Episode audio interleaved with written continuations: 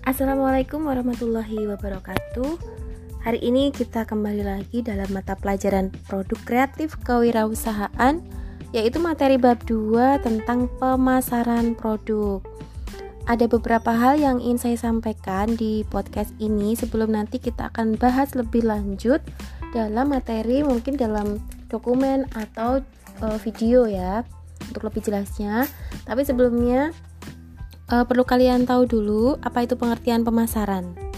Pemasaran sendiri merupakan salah satu kegiatan penting yang perlu dilakukan perusahaan untuk meningkatkan usaha dan menjaga kelangsungan hidup perusahaan tersebut.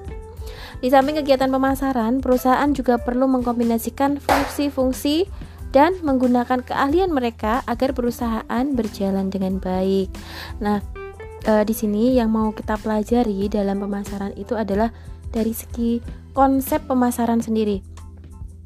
Konsep pemasaran itu adalah falsafah bisnis yang menyatakan bahwa pemuasan kebutuhan konsumen merupakan syarat ekonomis dan sosial bagi kelangsungan hidup perusahaan.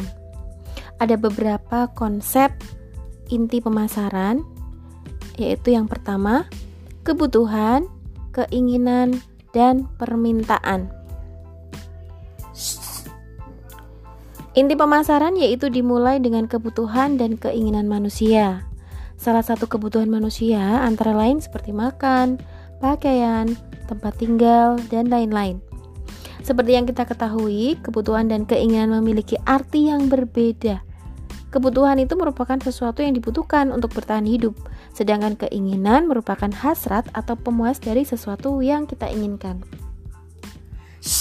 Dua, produk, nilai, biaya, dan kepuasan. Apabila kita hendak memenuhi kebutuhan dan keinginan, pasti berhubungan dengan produk ataupun jasa.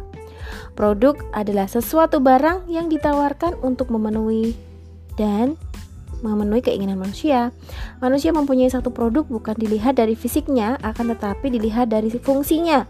Contohnya nih, apabila kita membeli sebuah microwave, kita membeli Magicom. Nah, itu bukan untuk dicintai, tapi memang kita membutuhkannya untuk memasak, memasak nasi, dan sebagainya. Yang ketiga adalah pertukaran transaksi dan hubungan. Pada zaman dahulu, apabila manusia membutuhkan barang, maka mereka akan saling bertukar atau kita sering menyebutnya barter sesuai dengan barang yang mereka butuhkan. Transaksi pertukaran tidak menggunakan uang karena pada saat itu uang belum ditemukan. Hal tersebut memberikan dampak terhadap hubungan manusia pada zaman dahulu yang terjalin sangat baik. Yang keempat adalah pasar, pemasaran, dan pemasar. Pasar merupakan salah satu tempat bertemunya antara pembeli dan penjual. Di pasar, kita dapat menemukan barang yang kita butuhkan dan inginkan, serta mampu untuk melakukan pertukaran guna memenuhi kebutuhan dan keinginan. Nah, sekarang ada dua elemen pokok yang menyusun konsep pemasaran, di antaranya adalah yang pertama, volume penjualan yang menguntungkan. Salah satu tujuan utama perusahaan adalah untuk mendapatkan laba atau profit.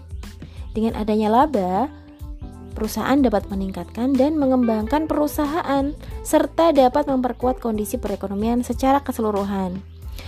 Cara yang dapat dilakukan perusahaan antara lain memberikan kenyamanan dan ketentraman kepada karyawannya dan memberikan perlindungan. Hal ini dilakukan agar atasan dan karyawan dapat berhubungan dengan baik dan bekerja sama untuk meningkatkan laba perusahaan. Yang kedua adalah elemen koordinasi dan integrasi seluruh kegiatan pemasaran. Suatu perusahaan harus mampu memberikan kepuasan terhadap konsumennya.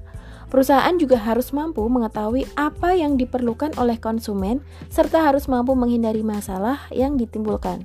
Orang yang bertanggung jawab dalam hal ini adalah seorang manajer. Nah, itu tadi tentang uh, pengertian pemasaran, konsep pemasaran dan elemen pokok yang menyusun konsep pemasaran. Sekarang tugas kalian adalah menuliskan kembali rangkuman dari apa yang sudah Ibu sampaikan dalam podcast ini di komentar pribadi ya. Selamat mengerjakan. Terima kasih. Wassalamualaikum warahmatullahi wabarakatuh.